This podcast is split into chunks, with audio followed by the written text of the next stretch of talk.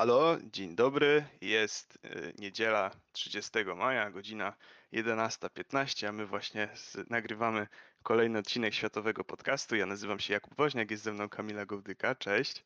Hej. Powiedz mi, jak spędziłaś ostatni tydzień? No, ostatni tydzień spędziłam na, szczerze mówiąc, głównie pisaniu licencjatu. Ciężko idzie, ale w sumie i tak idzie dobrze na to, jak późno zaczęłam, także e, mój licencjat to może teraz służyć jako neoliberalna przypowieść, że jak się chce, jak się będzie stać odpowiednio wcześniej, pracować odpowiednio ciężko, to się da radę. A co tam u ciebie? Co tam w polityce w wielkim świecie? tylko ciężej pracował, głośniej miałczał i mniej No. czasu leżał w łóżku, to pewnie byłoby mi też dobrze. E, a tak serio, to czy śledziłaś e, ostatnio, co się dzieje na Białorusi i w Polsce w związku z Białorusią? Jak najbardziej ciężko by było nie śledzić, bo akurat mimo, że Białoruś to jest temat, który już się ciągnie wiele, wiele tygodni, to te ostatnie wydarzenia e, zajęły bardzo dużą przestrzeń w polskich mediach i też na polskim Twitterze, o czym do czego też będziemy nawiązywać. E, Także generalnie e, sytuacja miała miejsce tydzień temu, w niedzielę. Odbyło się awaryjne lądowanie e, w Mińsku. To była trasa Ryanaira z Aten do Wilna. I myślę, że lądowanie awaryjne nie było przypadkowe, ponieważ na pokładzie znajdował się Raman Pratasiewicz oraz jego towarzyszka Sofia Sapiega. I generalnie kim jest Raman Pratasiewicz? E, To jest prowadzący kanał na Telegramie Nexta albo po białorusku Niechta. I dlaczego akurat na Telegramie? Bo w Polsce on nie jest aż taki popularny, chociaż był używany też na strajkach kobiet w, na jesień. Generalnie Telegram to jest taka platforma, gdzie są różne kanały i on jest dość ciężki do ocenzurowania, dlatego jest używany i dość popularny na, e, w krajach, w których jest zaburzona jakkolwiek wolność słowa. No i właśnie Nexta albo Niechta była używana, e, jeśli chodzi o te białoruskie protesty. I były tam informacje, jak się przemieszczają osoby protestujące oraz służby. I generalnie, e, tak jak mówiłam, samolot leciał z Aten do Wilna i awaryjne lądowanie było w Mińsku. Mimo, że samolot już był bliżej Wilna niż Mińska, musiał się wrócić do Mińska, ponieważ pojawiła się informacja, że na pokładzie jest bomba. No i generalnie sprawa jest dość podejrzana, a jest podejrzana o tyle bardziej, że w zeznaniach tak naprawdę jaki był, że tak powiem, oficjalny powód, gubią się same białoruskie służby, też sam Łukaszenka, bo na przykład jedna z wersji wydarzeń jest właśnie taka, że, że bomba, tylko jeśli chodzi o kolejność wydarzeń, to dziennikarze śledczy ustalili, że najpierw kontrolerzy kazali samolotowi lądować, a dopiero 24 minuty później dostali maila o tym, że jest bomba. Także teraz trwa dochodzenie odnośnie tego, czy kontrolerzy wiedzieli o tym, że to nie jest do końca prawdziwa informacja, e, czy po prostu podawali informację wierząc, że ona jest prawdziwa. No i to też jest o tyle ciekawa kwestia, że jakby ruch lotniczy opiera się na tym, że ufa się kontrole, kontrolerowi tak naprawdę pod każdym względem. Pilot nie może powiedzieć nie, nie lądujemy, e, bo, no bo nie może tak naprawdę podważać tego, co mówi kontroler. Jeżeli kontroler mówi, że trzeba wykonać awaryjne lądowanie, no to tak naprawdę nie można mu odmówić. E, Dlatego te dochodzenie odnośnie tego, czy kontrolerzy zrobili to świadomie, czy nieświadomie, mm, jest bardzo ważne w tej kwestii. E, Kolejnym jakby wersją wydarzeń jest to, że Białor- w Białorusi jest elektrownia.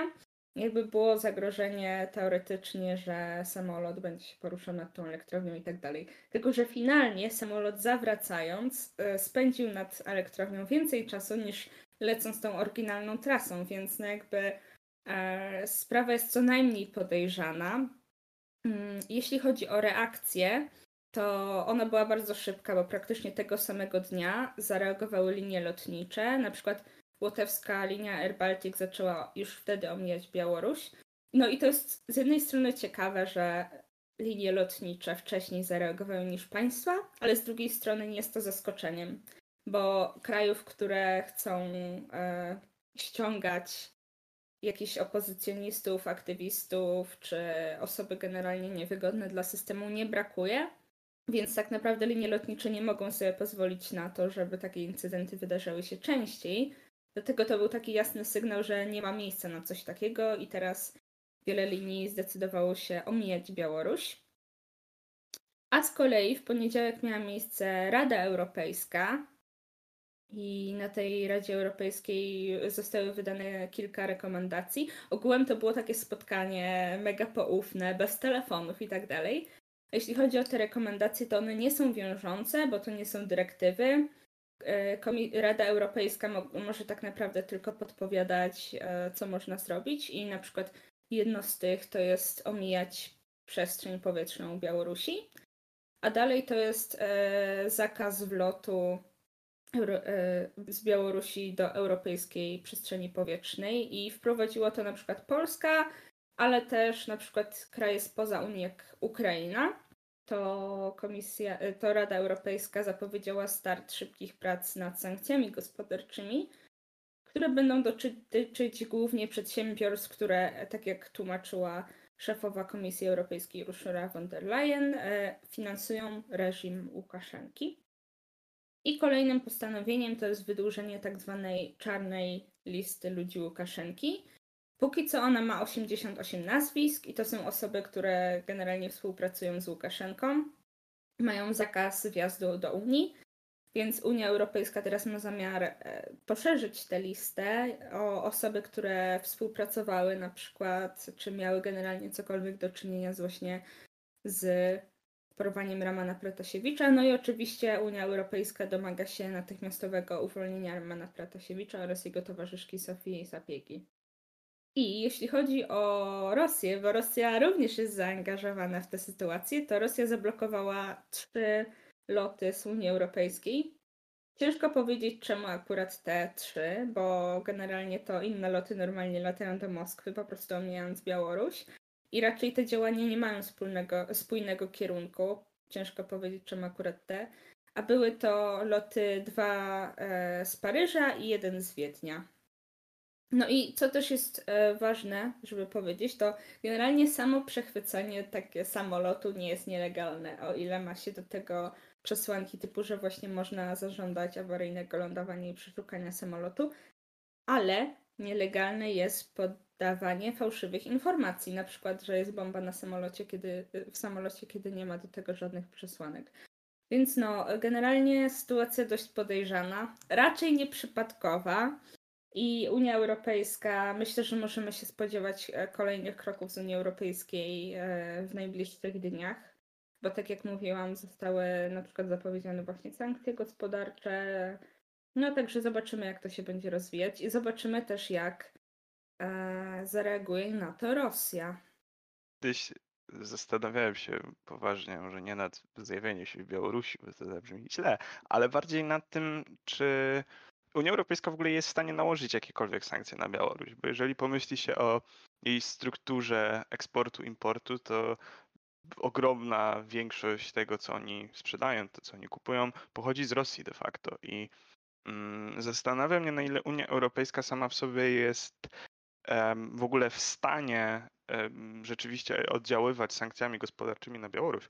Inna sprawa jest jeszcze taka, że bardzo ciekawym aspektem jest to, że samolot e, linii Ryanair, który został przechwycony właśnie przez białoruskie władze, e, był samolotem zarejestrowanym w Polsce, co sprawia, że w ogóle całą sprawą um, musi zająć się polska prokuratura, której um, szefa wszyscy doskonale znamy i której ja nie będę komentował jej i działań oczywiście, ale to uważam, że jest dosyć e, że niezabawna sytuacja właśnie związana z tym, że, że, że ten samolot jest polski, ale o tyle ciekawa, że bardzo mm, duża ilość e, emigrantów, uchodźców z Białorusi też już w Polsce się znajduje i w Polsce mm, wczoraj odbyły się mm, na przykład pod Placem Zamkowym w Warszawie odbył się więc poparcia dla, dla Białorusinów, którzy chcą się wyzwolić spod dyktatury Łukaszenki.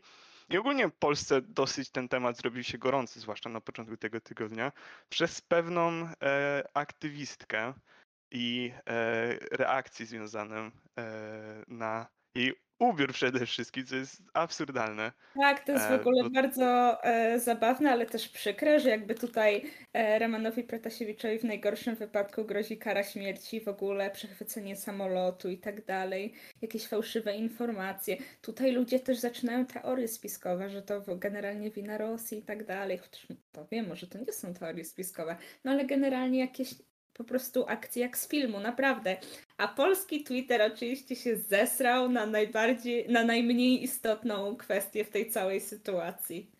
No tak, łamane są prawa człowieka, e, więzieni są legalni opozycjoniści, a my zwracamy uwagę na to, czy, czy kobieta, która na ten temat wypowiada się w Polsce, ma na sobie stanik, czy nie. No, uważam, że to trochę podsumowuje e, to, czym jest często poruszanie spraw zagranicznych przez media mainstreamowe w Polsce. E, Jako światowy podcast na pewno będziemy obserwować to, co się dzieje na Białorusi za naszą wschodnią granicą, bo nie wiem jak ty, ale ja jestem trochę zdania, że Białoruś może czekać pewne odejście od Łukaszenki, musi czekać, bo, bo, bo, bo, Łuka, bo, bo Białoruś Łukaszenki jest de facto utrzymywanym w tym momencie trupem przez, przez Rosję i, i, i e, Białorusini sami to dostrzegają coraz bardziej, bo, bo, bo- de facto Białoruś w ogóle jest kompletnie nierentownym państwem, najbardziej nierentownym państwem w Europie. I, i, I to się musi zmienić, a to będzie w stanie dopiero się zmienić, jeżeli Białoruś właśnie otworzy się na zewnątrz, do Europy i tylko w ten sposób ona po prostu mm, nawet nie tyle co ruszy do przodu, co po prostu nie upadnie jako byt państwowościowy. E, więc będziemy się przyglądać, a teraz chciałem przejść, przejść do kolejnej kwestii, która em, może nie aż tak rozpaliła polskie media, ale kwestia związana z tą sprawą mm, na pewno zawsze będzie rozpalać. Bowiem słuchaj, nie zgadniesz, ale jakie państwo uzyskało od Niemiec środki pieniężne w ramach rekompensaty za zbrodnie wojenne i ludobójstwo? Myślę, że wciąż to nie jest Polska, jeśli mam zgadywać. Bardzo dobrze zgadłaś, to nie jest Polska, jest to państwo e, w mm, południowo-zachodniej Afryce, jest to Namibia. I teraz tak, bo, bo trochę ten przekaz w Polsce znowu był, e, że właśnie to są reparacje, bo to w Polsce jest takie chwytliwe słowo. E, Więc umowa pomiędzy Niemcami a Namibią wcale nie zawiera właśnie słowa reparacje. To nie jest, to nie są właśnie reparacje związane z tym, żeby naprawić szkody wówczas tego zdarzenia, które ono ma wynagrodzić. Ono po prostu ma mm, pokazać pewien żal, pewne wyrazy współczucia, bólu właśnie państwa niemieckiego wobec Namibii za to, co się stało w roku 1000, w latach e, 1900, e, od 1904 roku do 1908, ponieważ to wówczas e, przebiegała tak zwana rzeź plemion Herero i Nama. I to jest, e, zagłębiłem się w trochę w historię właśnie tej, tej, tej, tej, tej rzezi, bo, bo nie, nie- powiem, trochę mnie to zainteresowało. E, Więc to jest e, sprawa właśnie z początku mm, XX wieku, gdzie mamy pierwszy raz udokumentowany rozkaz ludobójstwa wydany przez generała Lotara von Trotha, żeby dobrze to przeczytać. Miało to polegać na tym, że po stłumieniu powstań właśnie plemion Herero i Nama, e, wojsko, które tam przybyło, odcięło tych ludzi kompletnie od dostaw jedzenia, ale też wody, bo Namibia jest państwem, które składa się w nie chcę tutaj skłamać, ale w ogromnej części z pustyni Kalahari. I e, odcięcie tych ludzi wówczas od wody, jedzenia oraz e, brutalne rozprawianie się z tymi, którzy próbują się do tej wody dostać, sprawiło, że wówczas zginęło do 100 tysięcy osób z plemienia Herero i prawie 10 tysięcy osób związanych z plemieniem Nama w ciągu zaledwie 4 lat. I to te plemiona de facto one mm, były główne, które by- były głównymi plemionami, które znajdowały się wtedy na tamtych terenach. Dzisiaj stanowią niesamowitą mniejszość. Można powiedzieć, że jak rdzenna ludność w Ameryce Północnej troszeczkę. E, Jest to oczywiście bardzo przykre. I teraz tak, na czym polegają e, reparacje i na czym w ogóle polega reparacje? No, samo to słowo się nasuwa, ale to nie są reparacje, znowu powtarzam. E, na czym polega teraz ten, ten, ten gest Niemiec? Bo to polega na tym, że oni oficjalnie przyznali się mm, w związku z oświadczeniem e, ministra spraw zagranicznych Republiki Federalnej Niemiec Heiko Massa, że było to ludobójstwo, że był to właśnie ten czyn ludobójstwa popełniony przez państwo niemieckie w tych latach 1904-1908 i w ramach rekompensaty, w ramach pewnego mm, za, zadośćuczynienia Niemcy będą płaciły do, w ciągu 30 lat ponad miliard euro. I to nie będzie miliard euro przelane bezpośrednio na konto Namibia. Słuchaj, Namibia, podrzuć swój numer konta, prześlę ci plikiem miliard euro. Nie, właśnie to będzie e, przez 30 lat yy, będą, będą płacone w ratach, można powiedzieć, ale nawet nie będą płacone dosłownie te pieniądze, tylko Niemcy będą niesamowicie inwestowały w namibijskie, namibijską edukację, w namibijskie e, rolnictwo, rozwój e, właśnie regionów rolniczych i tak dalej. Czyli to nie są też takie typowo mm, przelane e, pieniądze i radźcie sobie z nimi, bo mm, tutaj właśnie jest też duży problem związany z samą Namibią, bo bowiem Niemcy, tak jak przystało, no można powiedzieć, państwo, które stosuje się wobec, e, wo, wobec różnych traktatów i tak dalej, negocjowało mm, ten układ z rządem, rządem namibijskim, który nie jest za bardzo lubiany wśród tych wszystkich plemion, które zamieszkują tamtejsze tereny i właśnie sami przedstawiciele plemienia Herero oraz plemienia Nara mówią, że to nie jest fajne, że Niemcy płacą to e, rządowi, a poza tym rząd powinien powiedzieć, że oni chcą mm, euro e, w gotówce, można tak rzec, a nie w żadnych jakichś tam wsparciach i to w ogóle jest wina rządu i tak dalej. No ja nie zamierzam komentować, bo, bo tutaj trudno mi jest się odnieść, aż tak nie jestem zagłębiony w sytuację polityczną e, Namibii. Jakiś tam ogólny komentarz wygłoszę zaraz potem, jak opowiem jeszcze, co się działo ostatnio w e, Rwandzie, bo do Rwandy przyjechał Emmanuel Macron, e, który mm, właśnie zjawił się tam i jak to powiedział, Francja ma obowiązek zmierzyć się z historią, i uznać swoją rolę w cierpieniu Rwandyjczyków. I odnosi się tutaj do wydarzeń z 1994 roku, słynnej e, rzezi w Kigali, e, w stolicy Rwandy, gdzie Francja wówczas, może nie militarnie, może nie um, oficjalnie, ale trzeba przyznać, że wspierała to plemię Hutu, które e, wówczas tą, tą rzeź w Kigali um, urządziło. I, e, I Emmanuel Macron pojechał i oficjalnie wygłosił właśnie taki komentarz, że mm, Francja ponosi odpowiedzialność za to, co się stało w, w, w Rwandzie. Mm, oczywiście mm, wiadomo, że w takich delikatnych sprawach y, słownictwo, którego się używa, jest niesamowicie ważne i dużo osób zaczyna już wytykać to Emmanuelowi Macronowi, że nie przeprosił, tylko powiedział, że jest ponoszą, powinna ponieść odpowiedzialność Francja za to wszystko.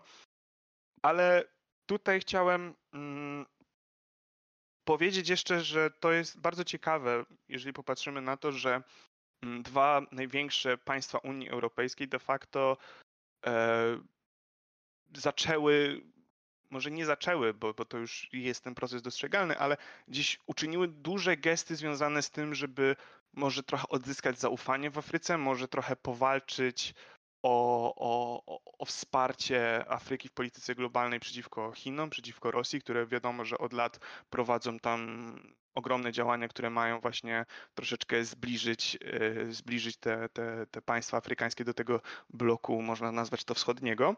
I właśnie chyba zdaje, wydaje mi się, że to jest taki walka w tym momencie trochę o, o ten rząd, rząd dusz, można powiedzieć, przywódców e, afrykańskich to jest o tyle dla mnie kontrowersyjne, że Emmanuel Macron właśnie walcząc o to, pokazując, że Francja, mm, że Francji, na, Francji zależy na tym, żeby trochę te swoje winy naprawić i, i co chwilę widzimy te różnego rodzaju gesty. Problemem jest fakt, że musi robić te gesty wobec osób, które nie zawsze do końca na nie zasługują, ponieważ często w Afryce, wobec których kieruje swoje słowa, można powiedzieć, pociechy, swoje słowa, takie zachęcenia do, do, do, do, do solidaryzowania się, to są osoby, które mają, można powiedzieć, dużo za uszami. Na przykład właśnie w Rwandzie prezydent właśnie niedawno mm, przegłosował nową konstytucję, która będzie pozwalała mu być prezydentem do 2034 roku, a tym prezydentem jest od lat 90., tak? E, był ostatnio na pogrzebie Idrisa Debiego w Czadzie, e, gdzie siedział wraz z jego synem, który również przejął władzę po ojcu w pierwszym rzędzie na pogrzebie, tak? Czyli to są, znowu to są prezydenci, ale to nie są demokratycznie wybrane władze. Jeszcze bardzo ciekawe jest w kwestii Rwandy i w sumie kwestii tej Białorusi, o której zaczęliśmy dzisiejszy podcast, jest case e, Paula Rufsesa Bagina. E, to jest pan, który, którego historia została zekranizowana właśnie w słynnym filmie Hotel Rwanda. I ten człowiek stał się po tym wszystkim, wyjechał po tej wojnie, po tej rzezi e, z Rwandy, stał się Belgijczykiem i udzielał różnych wykładów na całym świecie i w trakcie lotu z Dubaju do Burundi jego samolot został przechwycony przez, e, przez kontrolerów lotu w Rwandzie i został też sprowadzony na ziemię i od tego czasu znajduje się w areszcie, bowiem jest oskarżony o to, że z zagranicy koordynował e, ruchy mm, terrorystyczne e, opozycji w Rwandzie.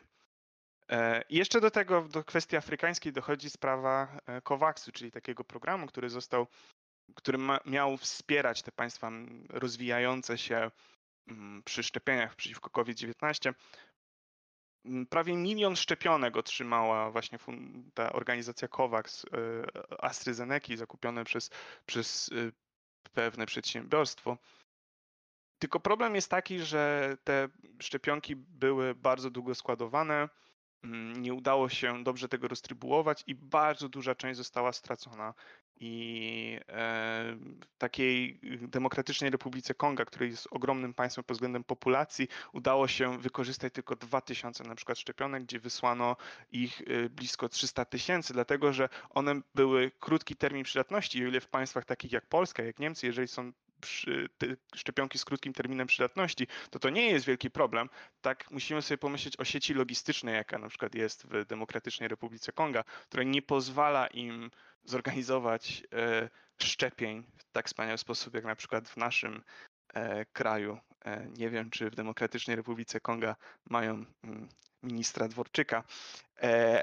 No ale... i nie mają pewnie loterii, co nie? Loterii z, z samochodami i z hulajnogami, to pewnie też duży jakby ja się, ja się czaję na hulajnogę, nie ma co. A, a tak serio wracając jeszcze tak na szybko podsumowując to wszystko, mm, znowu tu w tych wszystkich rzeczach, o których ja mówię odnośnie Afryki, strasznie mi się uwydatnia znowu, mm, że nie, takie niezrozumienie tego, co tam się dzieje, tak? Że wysyłamy mm, wysyłamy szczepionki, ale nie zdajemy sobie sprawy z tego, że jeżeli wyślemy szczepionki dwa tygodnie przed ich terminem przydatności, to tego się nie da rozprowadzić w Afryce, tak? E, próbujemy yy, Niemcy chcą wykonać gest jakiegoś tam zadośćuczynienia, a te plemiona, które były pokrzywdzone, mówią, że one by chciały inaczej, tak, niż rząd im zrobił. E, mówimy, że Emmanuel Macron wykonuje gest też e, takiego przyznania się Francji do tego, że, że ponosi pewną odpowiedzialność, to robi w słowach, kieruje to do autorytarnego przywódcy. I to dla mnie wynika po prostu z pewnego niezrozumienia, z pewnego takiego mierzenia Afryki trochę swoją miarą, która tak jak trzeba pomagać Afryce, tak bardzo trudno się to robi i to jest ogromny problem i to pewnie bardzo długo jeszcze będzie, ale e, zwłaszcza takie działania Macrona względem Rwandy, jeżeli porównamy właśnie względem Białorusi, troszeczkę mi się polaryzują, ale myślę, że możemy skończyć teraz na temacie afrykańskim.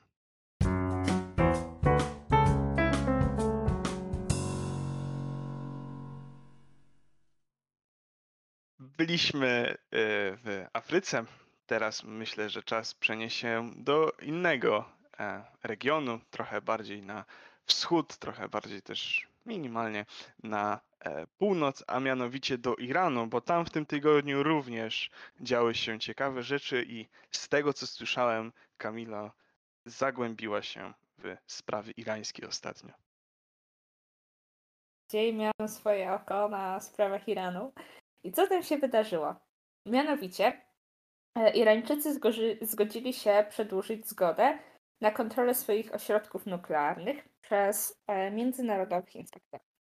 Generalnie tło historii jest takie, że Iran gromadził duże zasoby Iranu, e, uranu, przepraszam, haha, Iran, uran, takie podobne są zasoby uranu. E, więcej niż potrzebne im jest do em, elektrowni. No i to generalnie było dość podejrzane ze strony e, Międzynarodowej Agencji Energii Atomowej, bo spodziewali się tego, że Iran może buduje bombę atomową. Oczywiście Iran zaprzeczał, ale i tak gromadził te zasoby uranu. E, Ale no, trzeba też powiedzieć, że one wciąż są za małe, żeby zbudować bombę. Aczkolwiek wzbudziło to e, spore podejrzenia, więc e, w 2015 roku e, udało się osiągnąć międzynarodowy deal w zamian za zniesienie gospodarczych sank- sankcji na Iran, gdzie Irańczycy e, zgodzili się ograniczyć swój program gromadzenia uranu i wpuścić e, międzynarodowych inspektorów, żeby zbadali sprawę. Ale w 2018 roku e, Donald Trump pogrzebał to porozumienie, ponieważ e, cofał USA z tego porozumienia, nakładając kolejny raz sankcje. W związku z tym Iran e, nie wstrzymał międzynarodowych kontroli, ale zaczęli znowu gromadzić te zasoby uranu.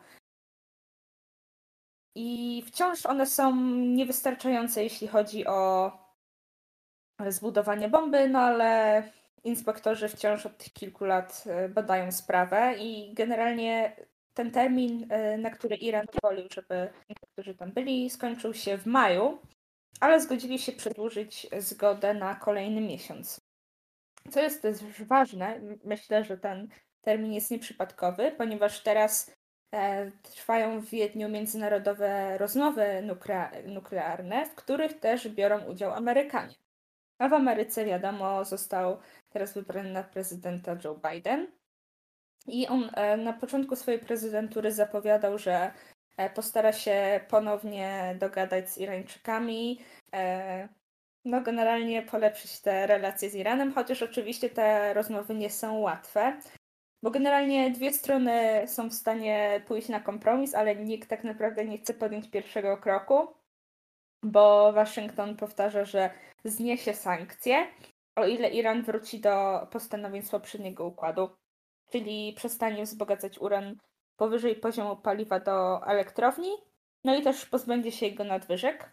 Ale Irańczycy mówią, że w porządku, jasne, zwiną swój program i swoje manatki, o ile Ameryka zniesie sankcje, które rujnuje gospodarkę i utrudnia walkę z pandemią.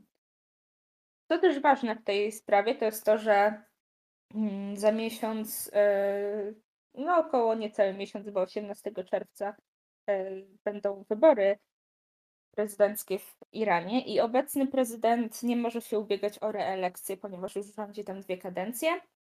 E, No i tak naprawdę to porozumienie może się okazać nietrwałe, bo jeżeli do rządów, do posady prezydenta doj- dojdą konserwatyści, no to może być ciężko, bo według nich Teheran nie powinien ustępować e, nawet na jotę. Mm, Także z tych rozmów może finalnie nic nie wyjść.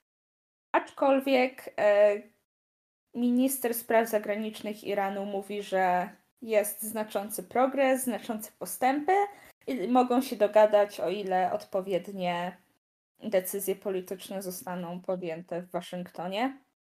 Także zobaczymy tak naprawdę tutaj dużą rolę odgrywa to, e, kto zostanie wybrany w wyborach prezydenckich w Iranie. To tak naprawdę od tego będą zależały dalsze losy i tego międzynarodowego dealu, i też sankcji z Iranem i tak dalej.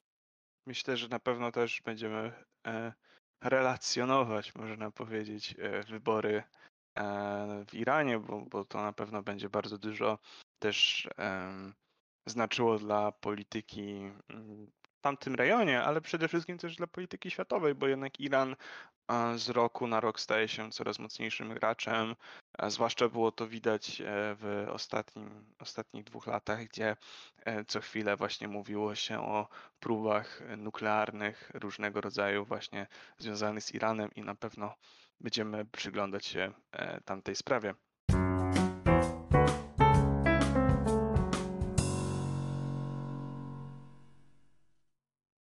Kamilo, powiedz mi, jaki jest twój ulubiony sport? Ja generalnie e, jestem dosyć asportowa, zarówno jeśli chodzi o granie w rzeczy, jak i oglądanie, jak inni ludzie grają w rzeczy. Ale moim totalnie ulubionym sportem jest Palant. I ja uważam, że Palant powinien być e, grą traktowaną poważniej, ponieważ jest to doskonała gra zespołowa, w której wiadomo, ja kocham Palanta, bo to jest taki, wiecie, taka e, poczucie grupy i tak dalej. Tutaj ktoś odbija, ktoś biegnie i tak dalej. Co nie znaczy, że jestem dobra w Palanta, absolutnie. Ani nie umiem odbijać, ani nie umiem biegać, ale jednak czuję takie, wiecie, no to nie jest jakaś siatkówka. W siatkówce to jest jednak odbijasz tą piłkę, a Palant to po prostu czujesz te, ten duch zespołu. Także ja uważam, że Palant powinien być traktowany bardziej serio jako sport. Mam dla ciebie bardzo smutną wiadomość. Mianowicie Palant nie jest dyscypliną olimpijską, a to właśnie o olimpiadzie e, chciałem chwilę porozmawiać, bo mm, olimpiada miała się, ma się, miała się, cały czas ma się e, zacząć w drugiej połowie lipca tego roku, w, no, olimpiada w Tokio oczywiście, ale pojawiają się tam ogromne komplikacje związane z tym, że Przede wszystkim cały czas mamy wzrost zakażeń koronawirusem w Japonii. Mm, prze- Przede wszystkim ostatnio nowego wariantu y, indyjskiego. Problem z Igrzyskami Olimpijskimi na tym etapie polega na tym, że nie do końca Japonia jest w stanie sama z siebie odwołać te igrzyska, bowiem ona jest w bardzo mocnym stopniu zależna od e, Międzynarodowego Komitetu Olimpijskiego, który to dopiero może odwołać e, zawody i, igrzyska, który przełożył e, sam własnoręcznie igrzyska właśnie z zeszłego roku na, na ten rok. I MKOL, czyli właśnie Międzynarodowy Komitet, bardzo mocno stawia na to, że igrzyska mają się odbyć. Igrzyska już są zaplanowane w sposób, który trochę chyba już zabijają na tym etapie tego ducha sportu i rywalizacji, który ma być głównym tematem, no bo wiemy już, że sportowe poza kibicami właśnie z Japonii mm, też będzie bardzo ograniczony e, dostęp dziennikarzy do na przykład wioski olimpijskiej. Wioska olimpijska ma się zamienić w tą e, bańkę, którą znamy też z różnych innych rywalizacji sportowych.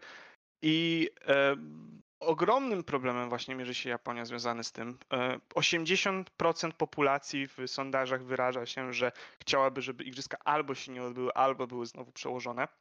Mm, Gdy wyłączymy opcję przełożenia, bo MKOL od razu powiedział, że nie ma opcji przełożenia Igrzysk Olimpijskich w tym momencie, to 60% osób jest za odwołaniem.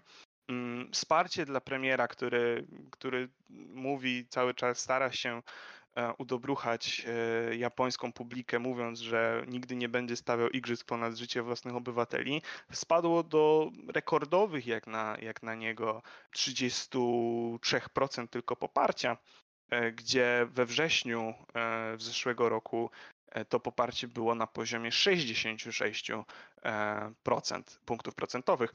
Więc widzimy z jak ogromną z jak ogromnym wyzwaniem mierzy się w tym momencie Japonia i Tokio. Dla mnie ta sprawa jest o tyle przykra, bo olimpiada, gdy była przyznawana w 2013 roku dla Tokio, to był rok po, po, po awarii elektrowni w Fukushimie, a także mm, okres, gdzie, gdzie, gdzie japońska gospodarka przeżywała ogromną stagnację, jak na siewie dotychczas, bo, bo, bo po tym e, boomie w latach 80. I mm, to miała być taka okazja, żeby rozruszać trochę na nowo Japonię, żeby to był taki symbol odrodzenia tej Japonii. A ja mam wrażenie, e, mam nadzieję, że ktoś mnie kiedyś poprawi, że nigdy w życiu zorganizowanie ogromnej imprezy e, sportowej, piłkarskiej i tak dalej nie pomogło kraju gospodarczo i ekonomicznie. Nie wiem, dla mnie idealnym przykładem na to są na przykład Ateny, gdzie Igrzyska Olimpijskie odbyły się w 2004 roku, które wiadomo, co się potem z Grecją działo ekonomicznie. E, Igrzyska Olimpijskie w Sarajewie mamy, mamy e, Igrzyska Olimpijskie i Mistrzostwa Świata w piłce nożnej w Brazylii, gdzie też ekonomiczne ciężary, jakie te państwa ponosiły, sprawiło, że nawet jeżeli był jakiś rzeczywiście może rozruch związany z gospodarką, nie były ten rozruch nie był w stanie e, sprawić, że, że, że te pieniądze jakoś wypełniły tą dziurę, która została wykopana na rzecz, e, na, na, na rzecz zorganizowania tej imprezy w budżecie. I mam takie samo wrażenie właśnie patrząc na to, co się dzieje w Japonii dzisiaj, że to będzie, to, to, to są utopione pieniądze. Nie przyjadą kibice, bo mogą być tylko Japończycy. Obiekty już de facto powstały na, na, na, na lipiec zeszłego roku, więc stoją od roku niemalże, niemalże puste i no przykro się robi na tym, jak myślimy właśnie nad tym, że um, tak pieniądze są na świecie po prostu topione w imię um, imię właściwie czego? No sportu, ale na przykład Kamila lubi Palanta, więc więc, a Palanta nie można oglądać na olimpiadzie jeszcze, niestety. A na przykład moim ulubionym sportem, tak jeszcze e, kończąc, próbując kończyć na pozytywnej nucie, e, jest oczywiście piłka nożna. Wczoraj odbył się finał Ligi Mistrzów. Wygrała go drużyna Chelsea, pokonując 1-0 drużynę Manchesteru City. A także w czwartek y, odbył się w Gdańsku, w naszym wspaniałym y, mieście na północy. Pozdrawiamy naszego ulubionego gdańszczanina, podcastera Adriana Truna. I, i, I, właśnie w tym Gdańsku mm, Manchester United przegrał z Villarrealem. Też ważne sport, piłkarskie wydarzenie, zbliża się Euro. I tym sportowym akcentem myślę, że zakończymy tego tygodniowy odcinek Światowego Podcastu. Była ze mną Kamila Gołdyka. Hej, właściwie Dobra, pa. Ja, e, właściwie pa nawet. E, ja nazywałem się Jakub Woźniak. Pamiętajcie, żeby obserwować nas na Facebooku, możecie teraz nas obserwować na Instagramie. E, jeżeli Wam się podobał odcinek, to zaobserwujcie też nas na Spotify i do usłyszenia w przyszłości. Dzięki.